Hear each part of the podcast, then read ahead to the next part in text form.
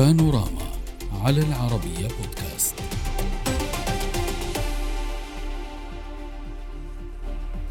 أزمة التمرد المسلح في روسيا لا تزال تلقي بظلالها في الداخل والخارج حتى بعد التطمينات التي أعلن عنها الأمن الفيدرالي الروسي بعودة الأمن والهدوء آه، في المناطق التي دخلتها قوات فاغنر جنوب روسيا.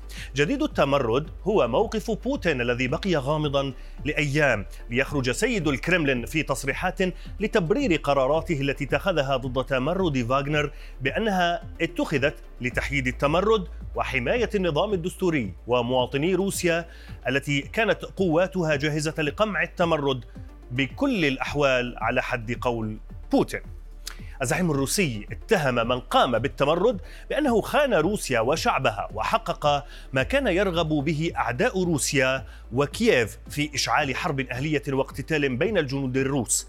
بوتين وضع أمام مجموعة فاغنر ثلاثة خيارات على اعتبار أن أغلبيتهم كانوا وطنيين وأثبتوا ذلك في معارك دونباس وباخموت وهي توقيع اتفاق مع وزارة الدفاع أو العودة إلى أهلهم أو اختيار الذهاب إلى بيلاروسيا.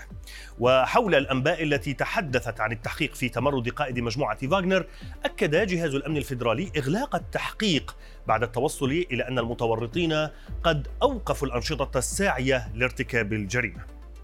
على الجانب الآخر قال الرئيس جو بايدن إن واشنطن اتفقت مع الشركاء والحلفاء على عدم إعطاء بوتين أي ذريعة لاتهام الغرب والناتو بالتدخل فيما حدث في روسيا وحسب خبراء سياسيين وأمنيين فإن تحركات بوتين الأخيرة لقمع تمرد فاغنر ربما تشير إلى أن الرجل بدأ فعليا بمعاقبة فاغنر. وسط تساؤلات عن تمرد فاغنر هل كان قرارا فرديا خاطئا من بريغوجين؟ تسبب بالقضاء على مصيره وقواته ونتابع من موسكو مع أندري أنتيكوف المحلل السياسي ومن موسكو أيضا الخبير في الشؤون الروسية دكتور أديب السيد. مرحبا بكما ضيفي الكريمين. دكتور أديب السيد كيف خرج الرئيس بوتين من محنة هذا التمرد؟ هل تراه خرج أقوى مما كان أم لا؟ الرئيس بوتين خرج من هذه الأزمة وهو عاقد العزم على استخلاص العبر الضرورية مما حدث. لذلك كان مصرا أثناء اجتماعه مع كبار المسؤولين الأعضاء في مجلس الأمن القومي على ضرورة إجراء تحقيق آه، ليس تحقيقا جنائيا لأن القضية قد أغلقت ولكن إجراء آه، تحقيق أمني وسياسي لهذه الظاهرة للأسباب التي أدت إليها للقوى التي تقف وراءها وعما إذا كانت هناك أجهزة استخبارات غربية قد ساهمت في هذه العملية التي أقول وبدون مبالغة أنها سببت صدمة في الأوساط السياسية والاجتماعية وحتى العسكرية في روسيا بالطبع القوات الروسية كانت قادرة على سحق هذا التمرد بسهولة نعم. حتى قبل قبل أن تصل جحافل فاغنر إلى مشارف موسكو ولكن نعم. المواجهة العسكرية كانت ستؤدي بلا شك إلى ضحايا ودمار طيب. كبيرين أكيد. وهذا الأمر الذي لم يكن يريده بوتين نعم سيد أندري اونتيكوف هل بالفعل انتهت فاغنر ما قاله الرئيس بوتين الليلة الماضية والخيارات التي وضعها أمام أعضاء مجموعة فاغنر هل سحقت فاغنر بعد هذا التمرد وانتهت بلا عودة لا أنا لا أعتقد ذلك بسبب أن آه، قبل هذه محاولة التمرد آه، فاغنر آه، مجموعة فاغنر أثبتت بأنها فعالة في كثير من أنحاء العالم في أوكرانيا وفي إفريقيا وفي غيرها من المناطق. فلذلك أنا بصراحة لا أتصور ما مصلحة لتخلص من هذه الآلية. يعني بالعكس نحن قد شاهدنا أن كان هناك نوع من الاتفاق آه، أو التفاهم بين السلطة الروسية من جهة وما بين مجموعة فاغنر من جهة الأخرى وما يلفت النظر أن هذه المجموعة ستتمركز حاليا في بيلاروسيا. فبيلاروسيا هي دولة صديقة. أي يمكن أن نقول بأن هذه المجموعة ستبقى إن صح التعبير تحت غطاء الدولة الروسية والدولة البيلاروسية. فبشكل أو بآخر أنا أعتقد أن سيتم استعمال هذه المجموعة في مكان أو في مكان آخر خاصة أن حتى ببساطة التواجد قوات فاغنر في بيلاروسيا بالذات يشكل نوع من التهديد بالنسبة لأوكرانيا. أوكرانيا ستكون مضطرة لتأخذ هذا التواجد نعم. في ولكن سيد أنتيكوف تقصد استخدامها في مكان آخر تقصد في بيلاروسيا؟ يعني سيعودون للقتال في أوكرانيا أم في الدول الإفريقية والدول الشرق أوسطية التي تنشط فيها فاغنر؟ ما الذي تقصد بأنها ستعمل شيئا آخر؟ أنا أنا لست متأكدا حول ما إذا تدخل هذه القوات في العملية القتالية في أوكرانيا.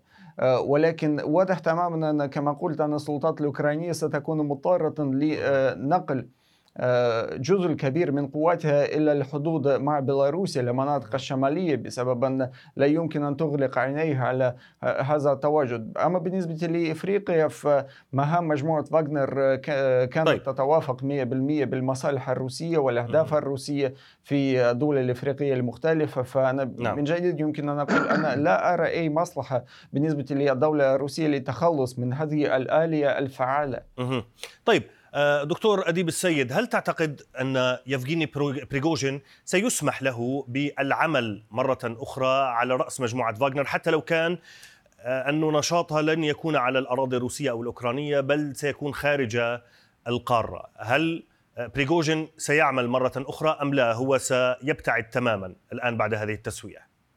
بما أن هذا السؤال يرتبط بشكل أو بآخر بالسؤال الذي وجهته آه، لضيفكم الكريم آه، السيد أنتيكف. فدعني أتوسع نوعا ما آه، في الإجابة. أنا شخصيا أعتقد أن شركة فاغنر أو مجموعة فاغنر قد انتهت قانونيا وسياسيا وعسكريا وامنيا إذ أن التجربة التي خاضتها في روسيا انتهت بشكل رديء جدا بالنسبة للسياسة الروسية وللأجهزة الأمنية الروسية فبالتالي أصبحت خارج القانون ولعل الخيارات الثلاثة التي طرحها الرئيس بوتين أمام أنصار هذه المجموعة تدل على أنه لا أفاق لهم للعمل بشكل مستقل فهم إما أن ينضموا إلى القوات المسلحة وإما أن يذهبوا إلى بيلاروسيا وإما أن يعودوا إلى ذويهم. لا توجد هناك أي خيارات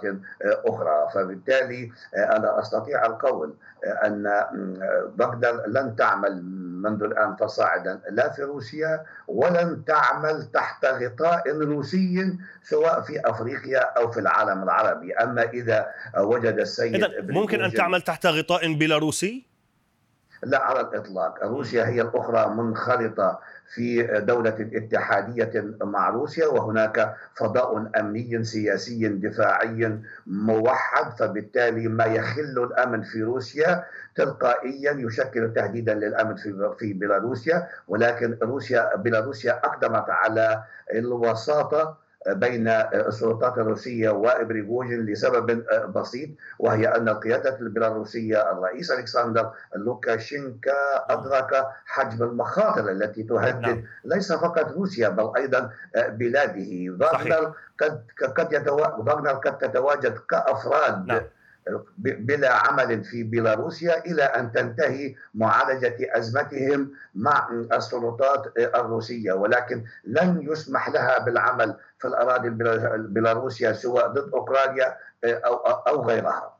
نعم طيب آه، سيد أنتيكوف آه، فيما يتعلق بهذه النقطة التي تحدث عنها الدكتور آه، عناصر فاغنر خيرهم رئيس بوتين بين ثلاثة خيارات منها الذهاب إلى بيلاروسيا أيضا هل تعتقد أن بيلاروسيا يمكن أن توظف مجموعة فاغنر أو عناصر مجموعة فاغنر؟ وهل هذا أيضا سيبقى يشكل تهديدا على الدول الأوروبية المجاورة كذلك التي تخشى من وصول عناصر فاغنر يعني الذين أثبتوا شراسة في القتال في أوكرانيا تخشى وجودهم بالقرب من حدودها؟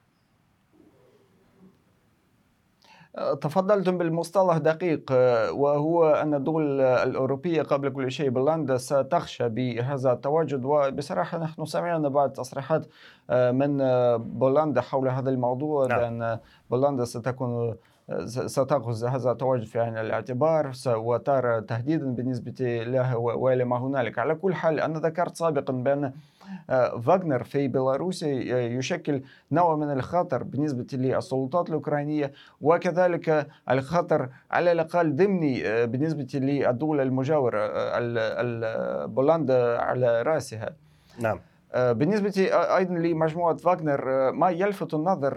أولا بخصوص الخيارات الثلاثة نعم نحن نعلم ذلك ولكن أيضا أود أن أشير إلى تصريحات لبوتين والذي أشاد ب ال ال ال ال يعني المهام التي نفذتها فاغنر في السابق في في أوكرانيا وفي غير أوكرانيا قبل هذه محاولة التمرد. هذا نعم. أيضا هي تصريحات ملفتة للنظر.